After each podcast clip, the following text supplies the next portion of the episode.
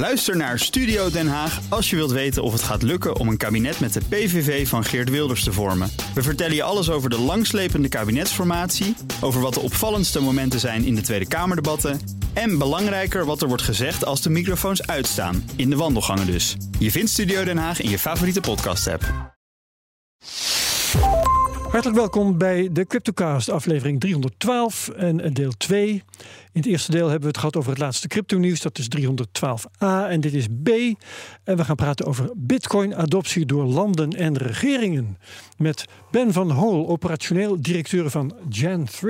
Welkom. Ja, hallo. Hey, welkom. En we hebben een co-host erbij zitten. Dat is Daniel Mol, redacteur bij de CryptoCast en BNR Digitaal. Hoi Daniel. Dag Herbert. Voor we beginnen eerst even dit. Dit programma wordt gesponsord door Bitfavo.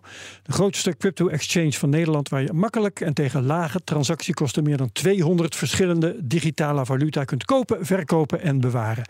Handel net als 1 miljoen andere gebruikers bij Bitfavo. Um, ja, Ben, um, traditionele openingsvraag. Hoe ben jij ooit in aanraking gekomen met crypto? Ja, um, ik denk dat ik het geluk had als uh, student om actief te zijn op het internet. Uh, ik had, als student creëerde ik een aantal internetbedrijfjes. Ik praat aan 1997, dus lang geleden. Ja. Maar mijn liefde voor de digitale wereld die was er wel. En nadien riep de plicht, moest ik in een familiebedrijf. Maar ja, ik ben altijd blijven kijken naar alles wat er gebeurde in die digitale wereld. En ik kan me niet meer exact herinneren hoe of waar. Maar ik heb wel wat gelezen over Bitcoin en dat triggerde mij enorm, omdat ik het heel fascinerend vond hoe men iets kon maken dat je digitaal niet kon reproduceren. Iets dat uniek was digitaal. En dat is eigenlijk de basis van Bitcoin. En ik voelde voor mezelf dat dit wel iets groter kon worden dan het internet zelf. Um, en, en, en, vandaar ben ik het eigenlijk blijven volgen. Um, en dan groeit die interesse. Naarmate dat je meer leest, Zeker. naarmate je meer over leert, uh, zie je ook de mogelijke toepassingen. En um, ja, je, je, rolt er eigenlijk vanzelf in. Ja, en heb je bij dat familiebedrijf gezeten totdat je bij Gen3 terecht kwam? Uh, nee, nee, nee. Ik ben, uh, nadien heb ik nog een aantal eigen bedrijfjes gehad. Ja. Um, totdat ik eigenlijk echt ontdekte dat Bitcoin een passie is. Juist. En wanneer was dat? Kun je dat nog reconstrueren? Um, ja, ik ben, ik ben eigenlijk actief geworden bij Gen3 um, ongeveer anderhalf jaar geleden. Uh, voordien was ik nog altijd actief in mijn eigen bedrijven en was Bitcoin een passief gebeuren. Um, tot ik eigenlijk anderhalf jaar geleden beslist heb van kijk, ik wil hier iets meer mee doen. want ik zie wel dat er ja, dat er interessante dingen zijn die we kunnen realiseren voor deze wereld. Maar vertel even nog uh, voor de achtergrond uh, wat. Eén voorbeeld is genoeg wat, wat mij betreft, maar wat deden jouw eigen bedrijven zoal? Um, ik heb uh, in 2004 tot 2012 ongeveer had ik een bedrijf dat een zeiljacht bouwde. Um, ja, heel specifiek. we deden dat in samenwerking met BMW. En um, liep allemaal heel mooi, totdat de financiële crisis kwam in 2008. En toen werd het heel moeilijk. Hebben we toch getracht het bedrijf nog om te switchen.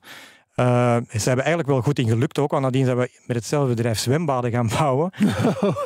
um, maar aan de binnenkant in plaats van aan de buitenkant. Ja, ja, ja, absoluut. Maar die financiële crisis die, uh, heeft wel een grote impact op mij gehad en ook op mijn ja. manier van denken. Ah zo, ja, ja, ja. ja. Dat, uh, daar kan ik me de, de sprong naar Bitcoin ook wel iets beter voorstellen. Ja. Uh, wat doet Gen 3 dan precies? Ik denk dat je Gen 3 hoofdzakelijk momenteel in twee delen kan uh, zien. Eén deel is de contacten die we hebben met nation states, dus met landen, met overheden. we proberen die te helpen en, en uit te leggen wat Bitcoin is. Um, en het andere deel is eigenlijk ja, ons technologiebedrijf, zeg maar. We ontwikkelen een Bitcoin wallet. En we zijn ook van plan om nog andere zaken te gaan ontwikkelen uh, op Bitcoin. Ja. Dan hebben we het over Aqua Wallet. Uh, die naam had ik al gezien in de voorbereiding. Zeker, ja. ja. En dat is ook wel. En volgens mij hebben jullie dat project, als ik het goed heb, maar correct me if I'm wrong, van Blockstream overgenomen. Ja, Samson Mao, dus de oprichter ja. en de CEO van ons bedrijf, die werkte vijf jaar voor Blockstream. Ja. En um, op een zeker moment moest hij naar El Salvador gaan om daar uh, wat dingen te gaan bespreken. Ja. Um, we weten allemaal wel hoe het daar ja. gelopen is. Maar dat is eigenlijk de basis geweest. Uh, hij is daar veel langer gebleven dan gepland. En uh, Adam Beck, de CEO van Blockstream, die zei tegen Samson van kijk, je, je hebt er eigenlijk wel goed werk kunnen leveren met uh, de president. Waarom doe je niet iets in die, in die sector? En toen besliste hij om Gen 3 op te richten. En omdat hij bij Blockstream ook aan Aqua Wallet gewerkt had, ja. en omdat Blockstream twee projecten had, zijn eigen Green Wallet en de Aqua Wallet, werd er beslist om eigenlijk Aqua Wallet af te stoten. Ja. Juist. Um, jouw uh, functie heet Chief Operating Officer. Wat doe je daar? Ja. Wat doet een chief? Ja, wat, doet, wat doet hij? Ja. Kijk, we zijn een start-up, dus eigenlijk doe je nog altijd van alles. Um, ja. Ik hou me voornamelijk bezig met het zoeken naar de nieuwe projecten en met die projecten op te starten. En om dan te zorgen dat het team die projecten ja. goed kan. Uh... En je zegt, we zijn een start-up. Hoe groot is Gen 3 op dit moment? Ja, we zijn met uh, tien uh, vaste medewerkers. En ja. dan denk ik dat we nog een zeven of achttal externe medewerkers hebben op dit moment. Ja, en je zei al, een van onze bezigheden is landen, regeringen helpen met nou ja, hun houding tegenover crypto te bepalen. Hoe werkt dat? Uh, komen ze vanzelf naar jullie toe? Of gaan jullie de wereld rond uh, om op regeringsdeuren... Vragen, Herbert. Ja. ja, op regeringsdeuren te kloppen. Uh, jongens, wij willen jullie aan bitcoin helpen. Laat ons binnen. Hoe, hoe werkt dit? Er is een hele evolutie geweest eigenlijk. Um, in het begin werden wij gecontacteerd, voornamelijk door um, zeg maar oppositiepartijen, politiekers die niet actief zijn, die aan de zijlijn staan en die bitcoin wilden gebruiken als een soort van promotiemiddel. Dat was niet het ideale moment eigenlijk. Um, nu worden we echt wel gecontacteerd door de actieve regeringen of de actieve politiekers in het land. En heel vaak gebeurde dat uh, via mensen on the ground. We hebben contact met heel veel bitcoiners in al die landen. En van zodra dat iemand een politieker kent die min of meer geïnteresseerd is in bitcoin of die wil horen wat bitcoin kan betekenen voor zijn land, dan brengen die ons meestal wel in contact. Zo. Uiteraard hebben we nu al een soort van status verworven. We mm -hmm. worden stilaan gekend als de nation state bitcoin company. Ja, want, want dat was uh, om mijn vraag op een andere manier te formuleren. Hè. Waarom gaan regeringen niet naar de Winkelvosjes of naar Jack Dorsey of naar uh, Michael Saylor? Ja, ik die denk omdat Samson, Samson Mau is erin geslaagd om het El Salvador-project op de kaart te zetten en om daar toch wel een zekere invloed te hebben. En um, ja, hij heeft, hij heeft een bepaalde status verworven, denk ik. En um, iedereen weet wel dat zijn visie over bitcoin dat die heel ruim is, dat die heel open is. Ja. Dus um, ja, ik denk dat het vandaar komt. Ja, want de eerste keer dat we van Gen 3 hoorden uh, was op Bitcoin 2022. Toen had Samson Mao een mic drop announcements. Toen dachten we allebei van, nou, oké, okay, ja, het viel een klein beetje tegen. Misschien, weet je, er was volgens mij met Prospera en Madeira en toen oh ja, een Mexicaanse ja. senator, als ik het me goed ja, herinner. klopt. Um, maar inmiddels, ja, een half jaar geleden of zo, of drie maanden geleden, stonden jullie op de foto met president Santokki van Suriname. De, dat gaat dan wel al sneller. Uh, en dat worden al echt wel uh, serieuzere landen. En wat je inderdaad zegt, ook actieve regering in plaats van een, een senator in de oppositie, volgens mij. Ja, ja. ja. Uh, we, zijn, we zijn voornamelijk actief in Latijns-Amerika. Ja. En dat heeft alles te maken, denk ik, met de situatie die daar plaatsvindt. al die landen die hebben heel veel last van inflatie. Maar los daarvan zien ze ook wat er in El Salvador aan het gebeuren is. En uh, El Salvador heeft heel lang slechte kritiek gekregen over uh, zijn bitcoin-visie en strategie. Maar ik denk ja, dat dat stilaan wel weerlegd uh, wordt en dat ook de algemene visie aan het veranderen is. Vertel dat dan trouwens maar even als je wil, El Salvador. Um, want kijk je in de, de grote media, ook wel de crypto-media, dan, dan uh, kom je toch veel tegen dat het daar ja, het, bitcoin is wel wettig betaalmiddel, maar het wordt niet zo erg gebruikt. Mensen gaan toch meer naar de dollar. En, uh, enfin, dus uh, zou jij een ander verhaal, verhaal vertellen? Maar ik denk dat het verhaal is uh, verschillend voor elk land. -hmm. Het grote voordeel voor El Salvador was dat ze eigenlijk geen eigen munt hadden. Ja.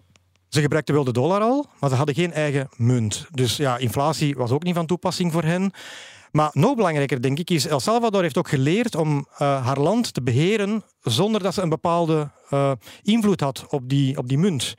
Um, landen, overheden geloven echt wel vandaag dat ze de controle op het geld moeten behouden om hun, uh, om hun land te kunnen regeren. En ik denk dat El Salvador bewijst dat dat helemaal niet nodig is. Um, ze hadden de dollar en die dollar kunnen ze niet beïnvloeden. En nu hebben ze naast de dollar ook bitcoin legaal uh, betaalmiddel gemaakt. En het land draait even goed. Ik zou bijna zeggen beter. Want wat merken we nu? Um, grote bedrijven zoals Google die hebben nu de stap gezet en die gaan investeren in El Salvador. Er wordt heel veel opleiding uh, georganiseerd.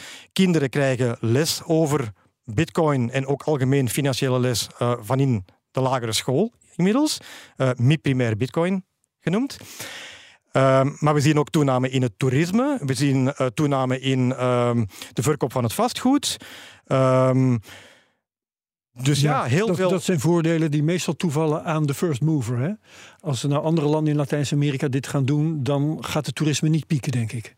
Zeker niet als Brazilië het doet, bewijzen. Ja, ik denk dat er ook nog wel een second mover en een third mover kan zijn. Maar het, effect, het effect zal misschien wel gaan afnemen. Ja. Al, al denk ik wel dat als je de technologie omarmt en een Latijns-Amerikaans land doet dat uh, uh, in volledige openheid, dat zij een heel groot voordeel hebben tegenover bijvoorbeeld Europa, uh, waar dat bitcoin ja wel veel, ehm, hoe moet ik het zeggen, ja, er is veel meer weerstand tegen bitcoin in Europa.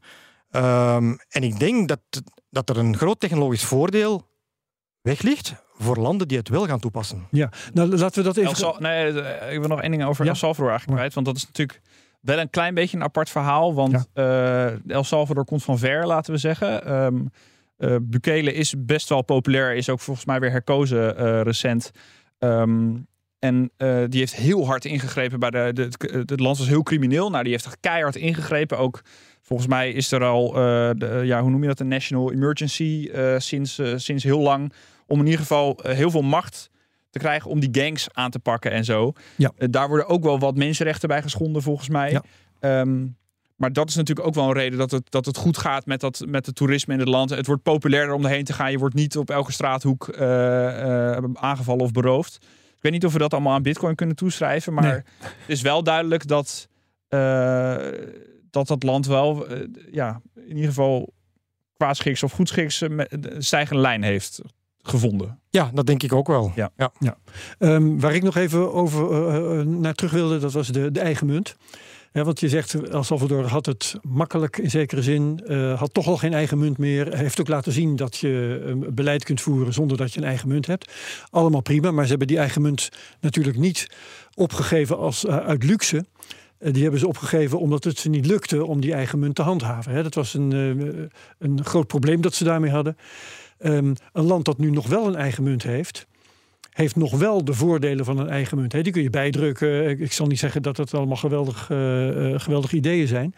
Maar um, het kiezen voor een bitcoin als wettig betaalmiddel naast een eigen munt... dat brengt toch wel bepaalde problemen met zich mee... voor een land dat de, het gemak van zo'n eigen munt nog wel heeft. Um, ja, ik weet het niet. Ik denk dat het toelaten van bitcoin als wettig betaalmiddel is een extra. Um, kijk, als je bijvoorbeeld, om even al een sprong te maken naar Suriname bijvoorbeeld. Uh, Suriname heeft haar eigen Surinamese dollar. Um, maar er zijn heel veel mensen die in het land betalen met uh, dollars of euro's. En dat zijn ook wettige betaalmiddelen. Dus ja, ik zie niet in waarom dat dan een extra betaalmiddel zoals bitcoin daar bovenop waarom dat, dat dan een nadeel zou betekenen voor het land. Ja, ja, ja. ja, en volgens mij is dit ook een van de manieren waarop een land met bitcoin aan de slag kan gaan. Hè? Want uh, dan hebben we het echt over een bitcoin, ja, een soort bitcoin-wet. Dat het een wettig betaalmiddel wordt, dat er ruimte komt om te innoveren met bitcoin in je land. Zoals we dat in El Salvador natuurlijk wel degelijk zien. Maar jullie stellen ook volgens mij andere dingen voor uh, de bitcoin op de balans zetten. Gewoon zoals wij uh, Nederland goud, uh, heel veel goud heeft bij de centrale bank. En zoals El Salvador het doet met bitcoin. Precies, ja. ja. of, of bitcoin obligaties. Kan je daar wat over uitleggen? Wat een beetje de smaken zijn waarop een land met bitcoin aan de slag kan gaan? Um, ja, een van de zaken die we voorgesteld hebben aan Suriname is bijvoorbeeld om uh, 1% van haar reserves uh, om te zetten in bitcoin en die zo op de balans te houden. Nu, het zijn zaken die heel gevoelig liggen uh, voor de centrale banken. Uh, met name omdat zij moeten onderhandelen met het IMF, omdat zij nog heel veel openstaande schulden hebben. En uh, ja, het IMF is anti-bitcoin, zeg maar. Dus zij proberen die landen bijna te dwingen van die stappen niet te zetten. met het dreigement dat zij anders bepaalde leningen zullen stopzetten. Ja. Um, ik denk als je als, als, een, ja, als een land zoals Suriname, als je dat kan overwinnen, Um, dat je een grote voorsprong kan nemen tegenover andere landen. Kijk, ik kan niet begrijpen, de dag van vandaag, we zien nu in Amerika, hebben we nu de ETF'en die gelanceerd zijn. Dat zijn de grote bedrijven zoals een BlackRock en Fidelity, uh, praten nu allemaal heel positief plots over Ja. bitcoin. Hè. Zes maanden geleden was het anders, Heel maar nu, toevallig, nu praten ze heel positief over bitcoin. Maar dan stel ik me de vraag, als een eh, bedrijf zoals BlackRock eh, bitcoin kan kopen en op de balans zetten, waarom mag een land als Suriname het dan niet doen? Ja. Eh, is, er dan, is er dan toch het idee dat men die landen in zekere zin een beetje onder de knoet wil houden, zoals, ik, zoals men in België zou zeggen? Wil men die landen blijven onderdrukken? Geef die toch de kans om dit, om dit te realiseren, denk ik. Wat voor gesprekken voeren jullie op dit moment met eh, Suriname om daar de camera maar eens even Ja, op eh, neem, te ons, richten? neem ons even mee Ja. naar gewoon hoe dat is ontstaan. Dat, de, we- Nederland heeft natuurlijk een historische band met Suriname. eh, eh, dat weten we. Maar hoe, hoe, hoe is dat ontstaan? Dat is eigenlijk allemaal begonnen door een Surinaamse onderneemster. eh, die ons uitgenodigd heeft, opnieuw, zoals ik zeg, iemand lokaal die voor haar land eh, heel wat wil eh, betekenen. En die zegt van kijk, we zouden Suriname kunnen helpen als we meer in bitcoin kunnen gaan doen, kijkende naar het verhaal van eh, El Salvador. En zij heeft ons uitgenodigd om te komen, maar zij had ook contacten met de politiek lokaal. Ehm, wij zijn initieel in contact gekomen met de minister van Buitenlandse Zaken, Albert Ramdin. En hij heeft ons eigenlijk dan uitgenodigd om het land te komen bezoeken. En we zijn, er, we zijn er bijna tien dagen geweest. En op die tien dagen hebben we eigenlijk heel veel partijen kunnen spreken. Ehm, we hebben gesproken met ministers. We hebben gesproken met de centrale bank. eh, een volledig comité van de centrale bank. Hebben we toch bitcoin kunnen uitleggen. Eh, we hebben ook gesproken met ehm, CEO's van bedrijven en van eh, banken in Suriname. Met de voorzitter van de bankencommissie. En uiteindelijk, de laatste dag, hebben we ook de kans gekregen om met de president te praten. Ehm dat waren allemaal positieve gesprekken. Ehm zij beseffen heel goed dat daar een, eh, een kans ligt. Ehm, alleen, ja, het, het, is, het is heel complex voor een land als Suriname om die wetgeving tot stand te brengen enzovoort. Dus ehm, ze hebben nu wel beslist om een werkgroep op te richten. En die werkgroep is momenteel bezig met het analyseren van hoe kunnen zij ehm, bitcoin als wettig betaalmiddel toch eventueel gaan maken. Hoe kunnen ze dat in, ehm, in wetteksten gieten, eh, eh, die zaken. Ja, Dat is bijzonder hoor. Want de, ik bedoel. eh, Uitgerekend Suriname, Nou hè, ja, voor nee, ons maar dan. ik verwacht, ik, ik bedoel, laten we wel eens, ik verwacht niet dat ze morgen aankondigen dat 1% van de balans eh, geconverteerd wordt in bitcoin en dat ze wettig betaalmiddelen gaan doen. Maar als we dit vijf jaar geleden, toen ongeveer de CryptoCast, nou dat is inmiddels al zes jaar geleden, Ja. toen de CryptoCast begon, als we dat toen hier hadden besproken, dan ha- had ik je echt voor gek verklaard, denk ik. Ja, Ehm, dat is natuurlijk Ja. wel eh, waar jullie, wat jullie toch in die zin bereikt en eh, ook daar krediet voor eh, de- horen te krijgen. Dat je, ja, je praat wel met de president van Suriname over Bitcoin. Hoe, ik ben heel benieuwd, die, die, die, die politici, minister van Buitenlandse Zaken, de president zelf, hoe reageren die op Bitcoin als jullie be- beginnen over Bitcoin? Want het is, ja, als je er niet mee bezig bent geweest, zou je ook kunnen denken, ja, dat is dat irritante internetmuntje en die, die gasten blijven maar terugkomen. Hoe, hoe, hoe gaan die politici daarmee om? Heel verschillend. Eh, sommigen hebben het snel door dat er eh, eh, voordelen in zitten, anderen zien het helemaal niet. Ehm, het heeft vooral te maken met informeren. Misinformatie is heel veel aanwezig. Ja. Ehm, en dat zien we misschien minder in Latijns-Amerika, maar dat merken we zeker binnen Europa. Eh, misinformatie omtrent het energieverbruik van Bitcoin, omtrent ehm, ja, risico's. de, risi- Ja, de risico's, het, eh, het speculatieve bijvoorbeeld is ook een punt. Eh, heel veel denken dat bitcoin, bitcoin speculatief is. Nu, ik denk dat bitcoin net anti-speculatief is en dat het net een veiligheid is waar je naartoe kan gaan. Ehm, Maar ja, ehm, elke persoon is anders en ook elke minister is anders Zijn en er elke is... die, die al bitcoin-achtergrond hebben, die bijvoorbeeld al, al ingestapt zijn of zich er al in verdiept hebben? Ehm, je bedoelt, eh, Bij de beleidsmakers die jullie spreken? Ja, ja, toch wel. Toch Ja? wel. Ja, ja. Wij hebben ook binnen Europa bijvoorbeeld hebben wij contacten in Nederland, contacten in Duitsland, in Zwitserland. En die politiekers die met ons praten, dat zijn allemaal mensen die ook uit eigen beweging zelf bitcoin gekocht hebben. Ja. Het, het, het op de voet volgen. Maar in Suriname niet zozeer. Eh, in Suriname niet zozeer, nee. Nee, nee, nee. Met, met welke landen praten jullie nog meer? Ehm, ja, iedereen die wil kan met ons praten. Ehm, waar hebben wij concreet al gesproken? Uiteraard El Salvador, Mexico, eh, Costa Rica, eh, Suriname. Eh, zoals ik zei, Nederland, Duitsland, Zwitserland hebben politiekers. Ehm, Ja. Ethiopië uh, meldde zich laatst als bedrijf, als land dat in mining gaat. Ja, klopt. Is dat ook in connectie met jullie of niet? Wel, nee, uh, nee ik heb wel contacten met die persoon gehad, maar uh, we hebben daar eigenlijk geen, geen aandeel in. Nee. Oké. Okay. Montenegro volgens mij ook, las ik ook iets Ja, klopt. Montene ja, ja, ja. in Montenegro hebben we ook met de, zeg maar de premier gesproken. Ja. alvorens dat hij echt premier werd. Hij was toen wel hij was toen wel de favoriet. Hij was, uh, de, misschien was hij al benoemd of verkozen, maar hij moest zijn kabinet nog samenstellen. Dus we konden daar niet heel veel over vertellen. Maar dat was denk ik ongeveer een, ja, een klein jaar geleden. En hebben we onlangs hebben we eigenlijk naar buiten gebracht. Ja. En welk land um, waar jullie mee praten is dan op dit moment het dichtst bij het zetten van concrete stappen? Zoals nou ja, de, de bitcoin op de balans of, of uh, bitcoin als wettig betaalmiddel of dat soort zaken. Ik durf daar geen uitspraak over doen. Nee, want het zijn dingen die heel snel kunnen komen ja. uh, of die ook nog lang op zich kunnen laten wachten. Uh, na Suriname is Samson naar Colombia gevlogen. Daar heeft hij ook de president nog ontmoet. Maar we zijn ook in close contact met Argentinië, Milei. Ehm, ja, en het zou wel eens kunnen dat er uit een van die hoeken heel snel iets komt. Dus, maar ja, ik kan over de echte timing, daar kan maar ik daar kan ik helaas niet op vooruit lopen. Nee. Ja. nee, maar dat is natuurlijk ook logisch. En ook dat die landen aanvankelijk huiverig zijn. Uh, die, je noemde het IMF al. Ja, dat is natuurlijk ook niet gek. Dat is hoe ons financiële systeem min of meer is ingericht. Het IMF, als er een crisis is, dan, dan leent het IMF je geld. Uh, in Suriname gaat het niet per se goed, uh, wat ik ervan lees. Ik heb me een beetje verdiept de laatste, laatste dagen.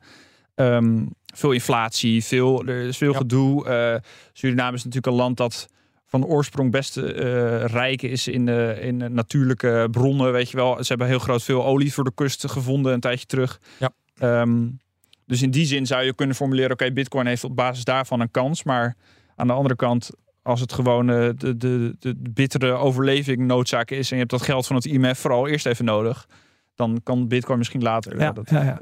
Kijk, voor ons is het natuurlijk cool als een land uh, iets met Bitcoin gaat doen. Dat is voor ons nieuws. En uh, als fans denk je van, nou ja, weer, weer een zieltje gewonnen. Maar wat, wat brengt Bitcoin een land nu? Wat zijn precies de baten van Bitcoin voor een land? Ja, we hebben er al eentje genoemd, namelijk Bitcoin als reserve.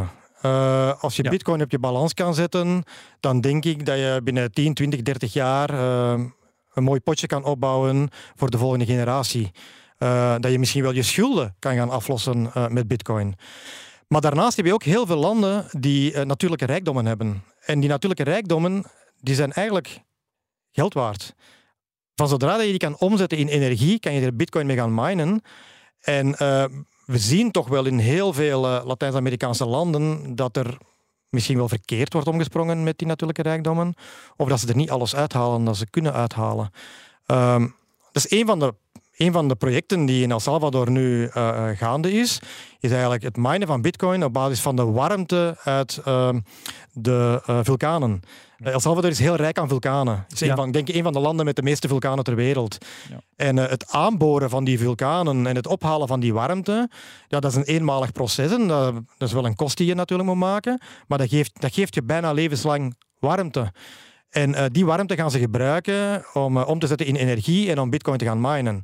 Dat is trouwens heel het, uh, heel het verhaal rond die bitcoin bond. Ja, de Volcano bonds. Hè? Ja, de Volcano bond. Ja. dat is daarop gebaseerd. Ja. Want ze hebben nu een bedrijf opgericht. Dat bedrijf gaat die activiteiten voeren.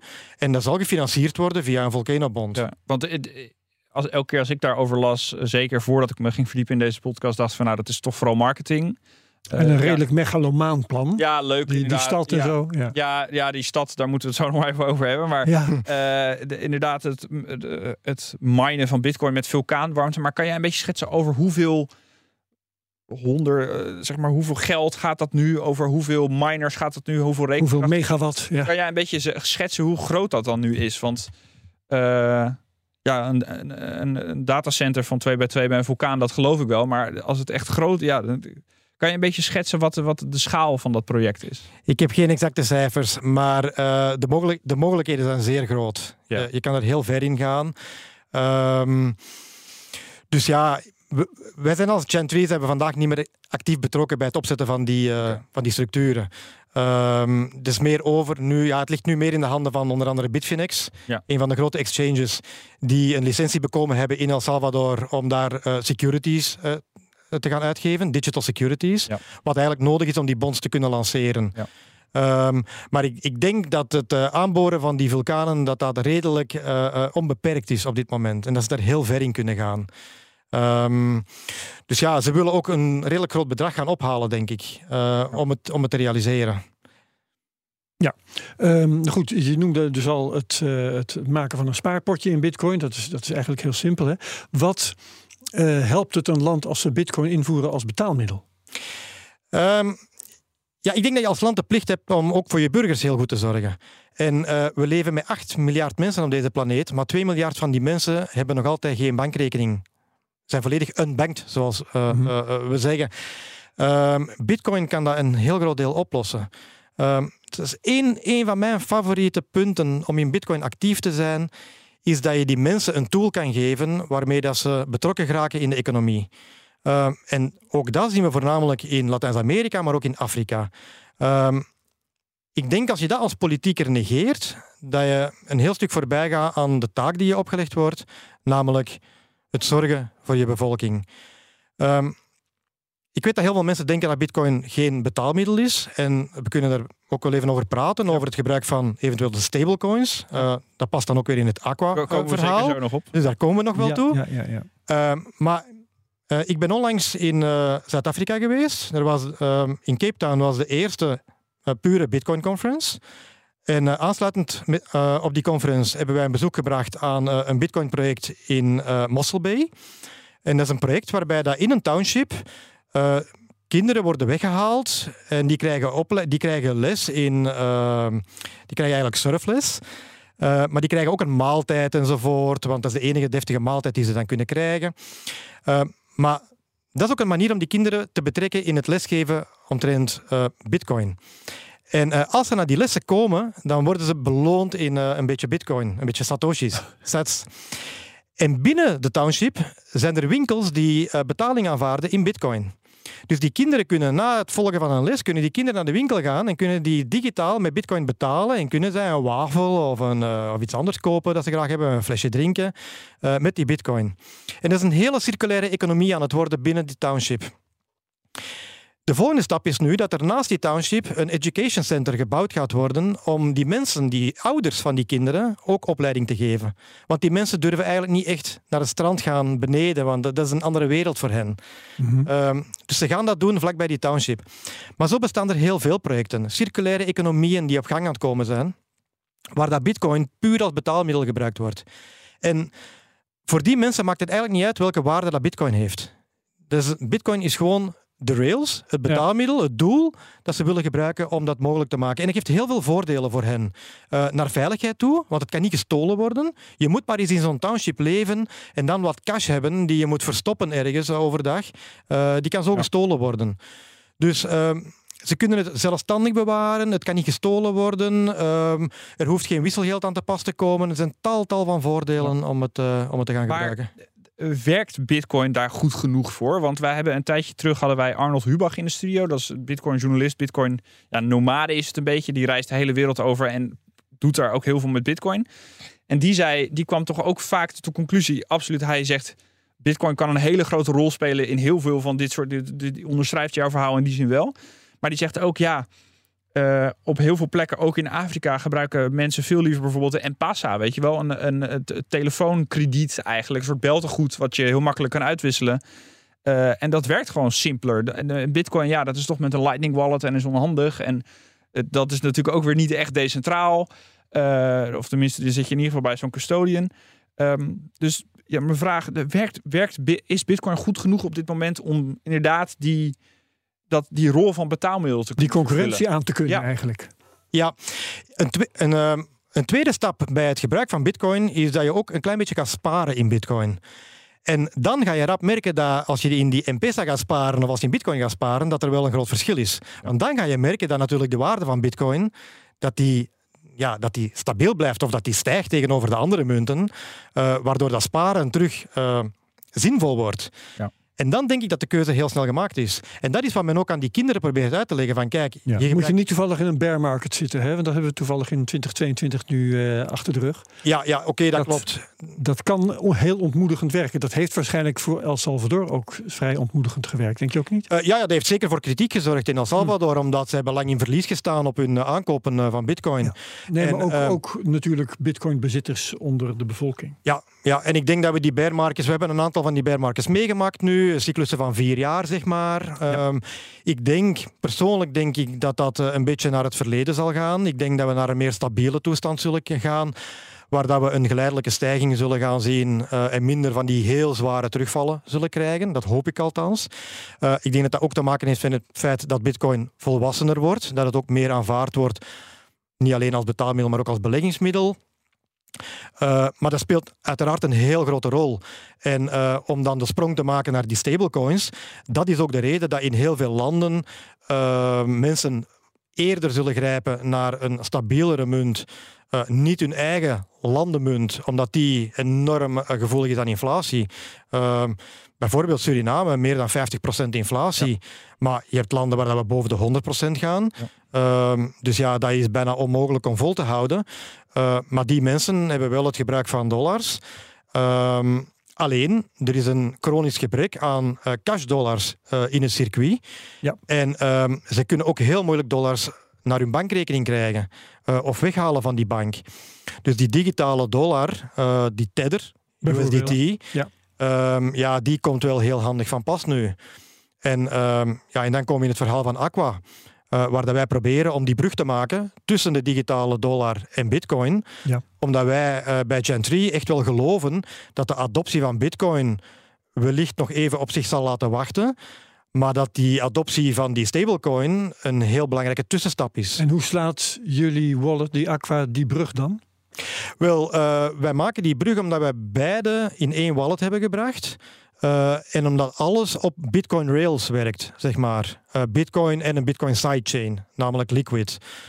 Dus in onze wallet kan je op drie manieren werken. Je kan werken puur op basis van de Bitcoin chain, de, de, ja. de, de on-chain Bitcoin. daarnaast kan je Lightning gebruiken.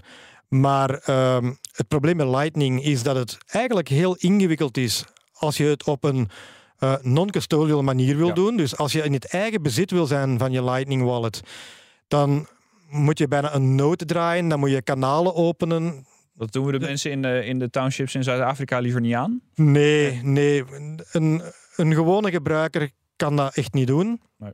En het derde fenomeen dat we vandaag zien, is dat de kosten om uh, on-chain te werken, maar ook om kanalen te openen voor uh, Lightning bijvoorbeeld. Dus heel duur geworden. De transactiekosten op de blockchain zijn heel duur. Nu, uh, je kan dat fenomeen toeschrijven aan ordinals en toestanden, ja. uh, zeg maar de NFT's op Bitcoin, die nu de laatste, het laatste jaar heel ja. populair zijn geworden. Op dit, dit precieze moment is het net weer even wat minder. Hè? Ja, dus het gaat een beetje op en neer. Ja. Uh, maar ik denk dat je ook moet verwachten dat die transacties zullen blijven stijgen. Ja, ja. Althans, dat is ook nodig als je het Bitcoin-netwerk wil blijven beveiligen. Ja. Dus die, die, die, die basischain, ja, ik denk dat die enkel weggelegd is voor de heel grote transacties in de toekomst. Ik praat dan over 10, 20 jaar. En dat Uiteindelijk echt als een soort settlement laag ja. moet gaan dienen. Ja, uh, absoluut. In plaats van uh, een kopje koffie afrekenen op de base chain. Ja. ja. Ja, je kan ook niet verwachten dat een netwerk dat maar vijf tot zeven transacties per seconde kan afhandelen, nee. dat je daar elke transactie in de wereld mee kan verwerken. Nee. Um, en dat kan je dan wel op Lightning. Um, en Liquid, de sidechain ontwikkeld door blockchain, ja. die wij dan gebruiken om die brug te slaan uh, tussen de mainchain en, en Lightning, uh, is denk ik vandaag ook een heel elegante tussenoplossing. En wat is dan verder jullie plan met die wallet? Uh, propageer je die in Zuid-Afrika en in Suriname? En, of wat, wat, wat is de rol die jullie die wallet willen geven?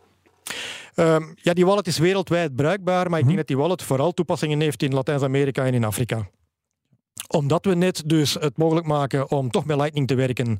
Om bitcoin te hebben en dollars uit te geven. Mag ik het zo samenvatten? Uh, ja, ja, je kan, ja. je kan uitgeven in bitcoin als je wil via Lightning. Je kan hm. vooral uitgeven en ontvangen in dollars.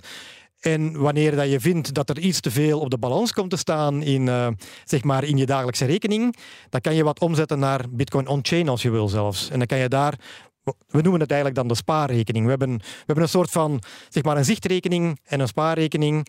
En die zichtrekening heb je dan in bitcoin of in dollars. Het is eigenlijk een heel pragmatische uh, uh, manier van denken. Dat, ik bedoel, de, ik bedoel volgens mij ben je echt overtuigd bitcoiner. Uh, maar dat je dan niet zegt van joh, nee, mensen in Afrika, jullie gaan verdomme bitcoin gebruiken.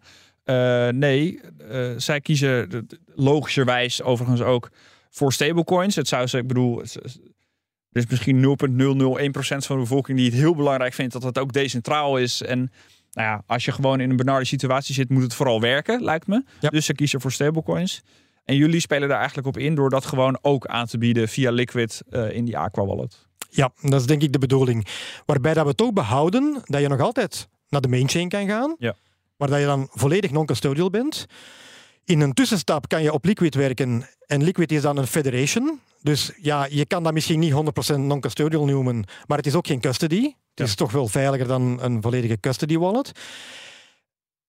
En voor de heel kleine transacties ja, kan je nog altijd een andere wallet gebruiken. Ehm, er, er, zijn voldoende alternatieven op de markt. Ja. Ehm, dus ja. Hoe denk jij dat die rolverdeling in de toekomst gaat ontstaan? Gaan we naar een wereld toe waarin we toch betalen in fiat en bitcoin gebruiken als, eh, nou ja, zoals het dan genoemd wordt, store of value? Of denk je dat eh, het, de fiat-wereld vroeg of laat toch instort en dat bitcoin uh, um, naar de world domination gaat, zeg maar? Ja, ik denk, dat, ik denk dat niemand zit te wachten op een ineenstorting van het fiat-systeem. Nee, maar er zijn wel mensen die het voorspellen. Tot, ja, tuurlijk, tuurlijk. Maar ik denk, er zijn heel veel problemen binnen het fiat-systeem. Ik denk dat we dat niet kunnen ontkennen. Maar ik denk dat er ook heel veel methodes nog bestaan om het nog eens vijf of tien jaar te rekken. En misschien nog eens vijf of tien jaar te rekken. Dus uh, op dat vlak denk ik niet dat het onmiddellijk zal gaan verdwijnen. Dat denk ik niet. Maar we merken wel, bijvoorbeeld, uh, ik heb denk ik uh, vorige week nog gekeken. Ik denk dat er op dit moment al meer dan 15 landen in de wereld zijn waar dat Bitcoin op dit moment al een nieuwe all-time high gezet heeft. Ja, ja klopt. Um, maar dat komt meestal doordat hun munt is ingestort. Ja, goed. Maar dat is net het probleem. Japan als laatste in de rij. Ja, maar Japan, ingelicht, ja. Japan was toch wel even schrikken voor mij. Uh, dat is niet, ja, ja, is niet, niet de valuta. Ja, ik bedoel, nee, nee, nee, nee, Japan is geen Suriname, met alle respect. Het is toch een... een, een Colombia. Ja, ja, ja, ja. Um, en dan merk je toch dat die fiatmunten dat die gigantisch onder druk komen te staan en dat het steeds moeilijker wordt om, om dat te blijven verantwoorden en om die blijven in leven te houden. Dus ja, ik denk dat het niet zo'n heel grote vaart gaat lopen. Maar ik denk ook dat je niet moet onderschatten dat er plots een heel snelle evolutie kan komen. En het is heel moeilijk om dat. Ja, ik, ik kan dat echt niet inschatten in tijd. Omdat, wat ik net zeg, ik denk dat, er, ik denk dat de politiek nog heel veel middelen heeft om.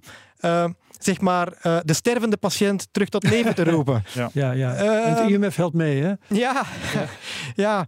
Uh, maar er zou wel eens een moment kunnen komen dat er een plotse omslag komt. Of dat er plots een besef komt bij de mensen van, kijk, ja, dit, dit kan niet langer. Ja. Um, dus de, Bart Mol van Satoshi Radio heeft een mooi overzichtje gemaakt van al die fiat-munten die dan wel niet, dan wel wel al een all-time high hebben gebroken. Kom maar op.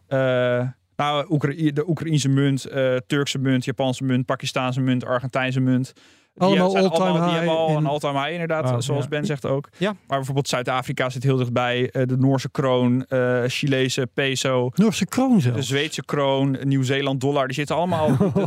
dat schiet echt allemaal al op. Uh, en dat, ja. dat heeft natuurlijk gewoon te maken met inflatie. Ja. Dat is een heel leuk overzichtje. Dat kan je vinden op de Twitter-pagina, of de X-pagina moet ik zeggen. Van, uh, van Bart misschien ook even in de show notes zetten. Ja, zet ik in de show notes.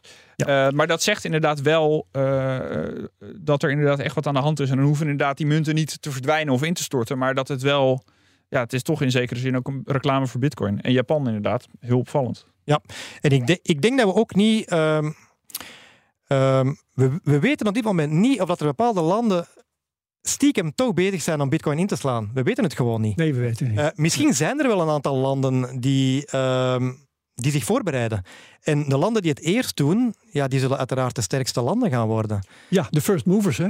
Ja, Absoluut, absoluut. En er zijn verschillende manieren om dat te doen. Um, ik denk dat recent Duitsland. Ja, Noord-Korea heeft een manier gevonden. Ja, Duitsland heeft uh, een aantal bitcoin in, bes in, in beslag genomen uh, van criminele activiteiten. Ja. Ehm, ik weet niet wat hun plannen daarmee zijn. Amerika heeft ook heel veel bitcoin in beslag genomen in het verleden en ze hebben die dan terug verkocht Ja. in de markt. Bulgarije. Maar eh, ja, bijvoorbeeld Bulgarije. Eh, maar als een van die landen beslist van kijk, eh, we gaan ze bijhouden, ja, Ja. hoddel. Eh, dan zouden ze er wel eens een gigantisch groot voordeel mee kunnen doen. Ja. Ja, dat lijkt me, dat vind ik dan toch onrealistisch. Ik ben het op zich met je eens dat er, nou, zo'n, eh, ja, Noord-Korea is misschien niet het beste voorbeeld, maar dat er inderdaad in Latijns-Amerika ook de, de, de landen waar, waar jullie mee spreken, die zijn, die zijn, het zou maar zo kunnen dat daar echt wel over Bitcoin gepraat wordt inmiddels. En eh, ja, over Tron of zo zullen ze het niet hebben, of eh, Nee. Cardano, weet ik veel. Ehm, eh, maar de, ja, landen als Duitsland, die hebben natuurlijk geen enkel belang bij. het is een hartstikke gezond land. Geen enkel belang bij zo'n enorme risico nemen dat ze ineens Bitcoin gaan hoddelen. Dat lijkt me onwaarschijnlijk. Maar ja, dat, misschien ben ik eh, pessimist. Ja, Ben kijkt nou sceptisch. Ja, kijk, ik, ik, eh, ik vraag mij af of dat er eh, binnen Europa wel een eensgezindheid bestaat eh, over de visie eh, op bitcoin. Ehm, en dan bedoel ik niet alleen het hoddelen misschien of de waarde van bitcoin, eh, ook eh, het beleid omtrent eh, bitcoin mining, het beleid omtrent eh, eh, het houden van bitcoin enzovoort. Eh, eh, maar ik, ik merk toch dat Duitsland daar een eigen weg in aan- aan het volgen is. Eh, in Duitsland kan je na één jaar houden van bitcoin kan je ze belastingvrij verkopen. Ja. Eh, maar dan niet alleen. Ik denk dat Duitsland ook wel een van die landen is die heel goed beseft dat er binnen Europa problemen zijn. En ze hebben heel lang die kar getrokken. Maar hun eigen economie begint ook te sputteren. En de vraag is maar wat Europa gaat doen als die sterkste spelers, als die het ook moeilijk gaan krijgen. Dus ik, ik weet nog niet zozeer of dat Duitsland ehm, dat nooit zou doen. Ja. Ik weet het niet. Nou ja, als je gelijk krijgt, dan, eh, de, de, dan ben ik de eerste waarvan je, van, van wie je een telefoontje krijgt met felicitaties. Maar ik denk, ja goed, die landen, eh, de- de- Nederland, België natuurlijk ook, maar ook Duitsland, het is allemaal... Ze hebben alle reden om risico-avers te zijn. En om gewoon lekker een beetje zo door te kabbelen zoals het nu gaat. Want het gaat best goed, in relatief gezien. Maar Ja. dat, is, dat is nu net het, het woord dat je gebruikt, Ja. risicoavers. Ja. Dat is net, denk ik, waar dat we die omslag gaan zien. Bitcoin gaat plots niet meer gezien worden als risicovol, Ja. maar wel als risicoavers. Ja, maar de landen die eh, het eerst die stap zullen wagen, dat zullen de landen zijn die het minste verliezen hebben. Heb ik dat goed? Ehm, ja, misschien wel. Of die landen die het minst in een keurslijf zitten eh, en, en zaken Ja. opgedrongen worden eh, Ja. door bijvoorbeeld een Europese Unie of een, andere, of ja. een andere entiteit. Ja. Ja, want eh, Ehm, je moet als land vrij kunnen handelen en je moet ook durven handelen. Ehm, en dat is niet eenvoudig. Hè, want het IMF, zoals we zeggen, ja, heeft een heel grote druk. Niet, en niet alleen het IMF, de Wereldbank, eh, algemeen politieke leiders in het algemeen. Ehm, dus ja, landen staan wel onder druk om die dingen niet te doen. En ze hebben ook heel veel angst om eh, bepaalde steun te verliezen. Wat ook, wat ook terecht is. Dus je moet al iemand hebben die er heel hard in gelooft, die een visie heeft en die dan zegt van kijk, als ik die visie volg, eh, dan, eh, dan ga ik sterk genoeg worden Ja. om in te gaan tegen die, eh, tegen die invloed van buitenaf. Ja. En dat is wat Bukele natuurlijk gedaan heeft, omdat hij zelf een heel grote believer is. En hij zit ook in een positie waar dat hij zelf heel veel beslissingen kan nemen. Ja. zeker. Ja, en dat is natuurlijk ook wat min of meer aan de hand is met uh, Milei in, eh, in Argentinië. Dat is ook iemand die heel anti-autoritair is in die zin van dat de, de, de internationale organisaties als het IMF, daar heeft hij natuurlijk bij uitstek lak aan.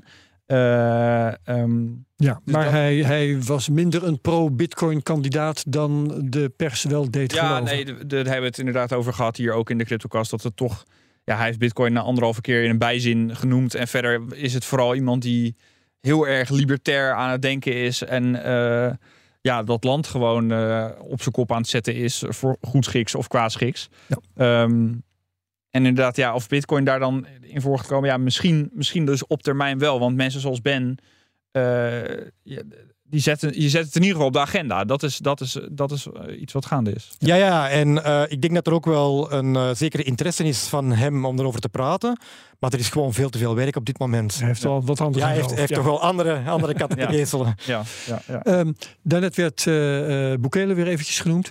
Ja. Ehm, volgens mij wilde jij nog eh, de Bitcoin City bespreken. Ja, nee, dat is natuurlijk een plan eh, mega ambitieus. En volgens mij eh, he- heeft Samson Mao daar ook iets mee te maken. Eh, ik weet niet precies wat zijn betrokkenheid is en of die stad er überhaupt gaat komen, twijfel ik ook nog een beetje aan. Maar weet jij daar al meer van? Of, eh, En de Nee. Bitcoin bonds hè, die eraan vastzitten. Ja. Ehm, ja, dat was van voor mijn tijd bij uh, Ja. Gentry. Ja. Eh, dat was eigenlijk van voor de tijd dat Gentry werd opgericht. Ehm, ik weet dat daarover gesproken is. Ik ken de plannen ook. Ehm, gaat die er ooit komen? Ik durf het op dit moment niet zeggen. Ik denk eh, als Bitcoin eh, verder evolueert eh, in die bull market en als die waarde van Bitcoin verder blijft stijgen, dat daar zeker een grote kans is dat daar iets gaat gebeuren. Maar ik denk dat het gewoon veel te vroeg is. Ja, maar dat is natuurlijk iets om ook rekening mee te houden. Ervan uitgaande dat we richting een nieuwe boelmarkt zullen gaan, zullen al dit soort plannen, die nu nog klein lijken, dat, en dat Weer ik eh, echt. uit hun holen komen. Ja, nee, precies. En dat, dat eh, de- het is natuurlijk een populair verhaal om Bitcoin in te voeren als het goed gaat. Eh, en dat hebben in El Salvador was september 21, eh, meen ik me te herinneren. Ja, toen ging het ook gewoon goed. En die dag Ja. zelf was echt een drama, kan ik me nog herinneren. Maar Hm. ehm, ja, het is wel natuurlijk. een- Het, het klimaat begint zich weer aan te trekken. En we krijgen een halving. En je hebt die ETF's die veel, veel vraag hebben. Ja, het is op zich.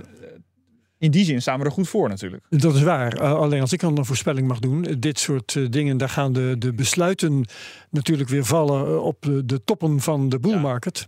Ja. Waarna ze zich zullen moeten redden in een bear market. Ja. ja, maar dan ga je ervan uit dat er een heel zware bear market gaat terugkomen. Ja. En daar ben ik niet ja. van overtuigd. Nee, oké. Okay. Ja. Dat is inderdaad een open vraag. Ja. ja daar kunnen we nu uh, vrij weinig van zeggen. Kun jij, uh, want, want we hebben El Salvador, El Salvador gehad, toen dacht iedereen van nou, het eerste schaap is over de dam. Daarna kwam die wat teleurstellende mededeling van uh, Madeira en iets voor de kust van Honduras. Nou, dat was dus het weer. kregen we ook nog de Centraal-Afrikaanse Republiek. Die wou ik ook dat, nog noemen. Dat is eigenlijk alweer een roemloos, ja, aan, nee, een dat, roemloos einde gekomen. Dat is ook wel een heftig verhaal. We hebben toen ook een keer ja. hier Jan Schelen in de studio gehad, die daarmee bezig was.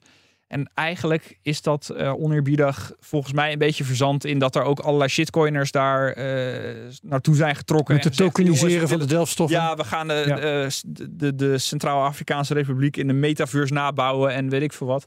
uh, en volgens mij is daar onder, onder, de streep helemaal niks uitgekomen. En daar, is, daar woedt gewoon ook een vreselijke burgeroorlog. Ja, mijn, mijn, mijn, de vraag waar ik naartoe wil is... Ja. Um, is dit nu verzand? Of... Um, gaan we straks toch nog El Salvador zien als het eerste schap dat over de dam kwam. Uh, ja, wat is jouw visie daarop, Ben? Ja, ik ben redelijk zeker dat er een aantal landen gaan volgen. Um, alleen denk ik dat die timing um, nog niet heel goed zit. Omwille van het feit dat we uit die bear market komen en dat die angst er nog altijd is. Ja. Ik denk dat ja, het gros van de bevolking zal pas beseffen dat Bitcoin weer in een nieuwe bull market zit wanneer dat we die all-time high Precies, het oude all-time high. overschrijden, die oude all-time high. Ja. Um, dus ik denk dat we nog wel heel even te gaan hebben. Um, maar ik denk dat we ook een nieuwe garde aan politiekers gaan krijgen, een, een nieuwe generatie. Uh, en dat moet je ook niet onderschatten. Um, jonge mensen die veel beter begrijpen wat er uh, gaande is, die voor zichzelf misschien die stap ook al uh, zetten. Ja. Zoals dat we zeggen, politiekers die het al voor zichzelf gedaan hebben. En um, ja, die wil gewoon inzien dat er een oplossing voor het systeem moet komen en dat die oplossing mogelijk daar ligt. En die het dan gaan promoten op die manier. Ja, ja dat hebben we op verschillende plekken natuurlijk ook wel gezien. Ook uh, bijvoorbeeld in de aanloop naar de Amerikaanse presidentsverkiezingen had je die Vivek Ramaswamy. Uh, nou ja, die, heeft het, die, heeft, die legt het dan natuurlijk af tegen Donald Trump. Want die gaat het uh, los van als rechtszaken. Te, lijkt hij het gewoon te gaan worden. Dat is natuurlijk ook logisch. En niet de schande dat je daarvan verliest. Uh, maar dat is dus een, kerel die dan als jonge zakenman zich meldt als republikeinse kandidaat. En dan, crypto is onderdeel van zijn verhaal. Uh, en dat blijkt inderdaad, dat, dat lijkt een steeds populairdere lijn te worden. Uh, zeker wat meer rechts van het, uh, van het midden of heel erg rechts. Um, maar dat is inderdaad, ja, wat je zegt, klopt wel. Steeds meer. Ja, het, I mean, binnen het politieke verhaal dat, dat iedereen brengt, begint Bitcoin wel heel vaak naar voren te komen. Ja. ik denk in Amerika, je noemt er nu één. Maar ook uh, Kennedy uh, uh, heeft ja, gesproken over Bitcoin. Maar er zijn er tal van anderen. En ja, Elizabeth Warren. ja, ja, ja. ik bedoel, het is niet zo. Nee, in de andere zin dan, maar ja, er wordt wel ja. over gesproken. Iedereen heeft het erover, maar het is niet zo dat Bitcoin veld wint. Er is net zo goed een groeiende weerstand. Nou, dat in een dat, deel van het politieke dat, spectrum. Ja, maar dat ben ik niet helemaal met je eens hoor, Herbert. Want de, de laatste tijd zie je wel dat steeds meer vooral, nou oké, okay, het zijn dan vooral rechtse politici. Dat is dan dat is de kleur die dan, dan kennelijk bij past. Ja. eh, steeds meer jonge rechtse politici. We hebben hier ook Michiel Hogeveen te gast gehad van ja 21 Europarlementariër. Ja. ja, die verzet zich in eerste plaats vooral tegen de, de digitale euro. Maar die is ook echt wel op de hoogte van, van, van crypto en van bitcoin. En eh, dat is geen domme jongen, om het zo maar te zeggen. En er zijn steeds meer van dat soort gasten, ja, gewoon, weet ik veel, begin 40, die zich nu komen melden. eh, en die, ja, inderdaad, dat zijn wel de politici van de toekomst. Ja, dat denk, ik, dat... denk ik wel. Dat is een heel nieuwe generatie die gaat opstaan. En uiteindelijk, het verschil in die generatie is maar 10 of 20 jaar. Ja. Dus als je kijkt waar dat we nu... Bitcoin bestaat nu hoeveel? 13 jaar. Eh, niem- 15 nie- alweer. niemand had gedacht dat we nu in 2024 al zouden praten over politiekers en landen die over bitcoin praten. Ja. Maar we doen het al wel vandaag. Ik kan, ik kan mezelf absoluut niet inbeelden wat dat we binnen 10 jaar gaan zeggen. Maar ik denk, ik denk dat het exponentieel kan gaan. Bij welk land zit jij binnenkort te vergaderen? Ik heb geen idee. Kan ik u helaas niet zeggen. Nee, nee ik Hoe heb geen zit idee. het eigenlijk, eh, dat is misschien een mooie laatste vraag, maar hoe zit het eigenlijk met, met Bitcoin in België? Eh, ik spreek eh, heel sporadisch wel eens een Vlaming die dan in Nederland, in Amsterdam, bij Bitcoin Amsterdam komt. En die, nou eigenlijk de, de, de, de lijn die ik daar vooral van meekrijg, is dat zij een beetje klagen dat het in België niet zo leeft als in Nederland. Ja. Maar hoe, hoe, hoe zie jij dat verder? Jij bent natuurlijk expert, je komt volgens mij uit Antwerpen. Ja, dat klopt. Eh, ik heb ook het gevoel dat Bitcoin veel meer leeft in Nederland. Ja. Eh, ik, ken, ik ken heel wat Nederlanders die in Bitcoin actief zijn, maar ik ken eigenlijk niet heel veel Belgen die in Bitcoin actief zijn. Puur de meester. En ja, ja. maar ja, woont ook niet meer in België, Nee, hè? ja, exact. maar goed. Ja. Ehm, en ook binnen de politiek eh, merk ik dat er eigenlijk ehm, heel weinig interesse is. Ehm, ik heb op een zeker moment heb ik, eh, de Bitcoin Standaard, het boek, ehm, heb ik eh, verdeeld aan alle Vlaamse politiekers in het Ja. Vlaamse parlement. Ja. En we hebben er eigenlijk geen enkele reactie op gekregen. Ja. En dat is toch wel typerend, vind ik. Want ja, het begint, het begint toch allemaal bij jezelf informeren. En ik kan niet goed begrijpen hoe dat je als politieker standpunten kan innemen over bitcoin, zonder dat je à fond begrijpt wat bitcoin eigenlijk betekent.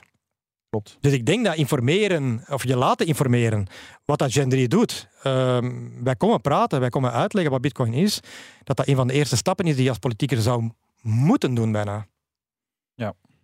En dat eh, zetten jullie dus ook in je takenpakket. Dat je westerse politici. Nou ja, dat doen jullie ook eigenlijk in Montenegro en zo. hè. Jullie zijn niet speciaal beperkt tot Nee, landen in ontwikkeling. nee helemaal niet. Nee, nee, nee. nee. We de gaan op, voedingsboding is daar gewoon een stuk eh, ja, we- beter. wij, wij hebben geen politieke voorkeur. Iedereen die ons vraagt, eh, willen we makkelijk willen we uitleg gaan geven. Uitstekend. Daniel, nog belangrijke vragen. Nee, eh, nee, dat was het wel. Goed. Waar jij nog iets kwijt bent dat we hadden moeten vragen. Nee, ik denk dat we heel wat eh, dingen geraakt hebben. Dus. Prachtig. Nou, dan eh, nemen we hier afscheid van je. Ben van Hol van Gen 3. Van mijn co-host Daniel Mol. Dankjewel, Daniel. Vergeet de Cryptocast niet te delen met je volgers op Twitter. Gebruik de mention CryptocastNL. Laat reviews achter op Spotify. Zijn we beter te vinden. Like, subscribe en comment op YouTube en verder. Dankjewel en graag tot de volgende keer bij de Cryptocast. Dag allemaal.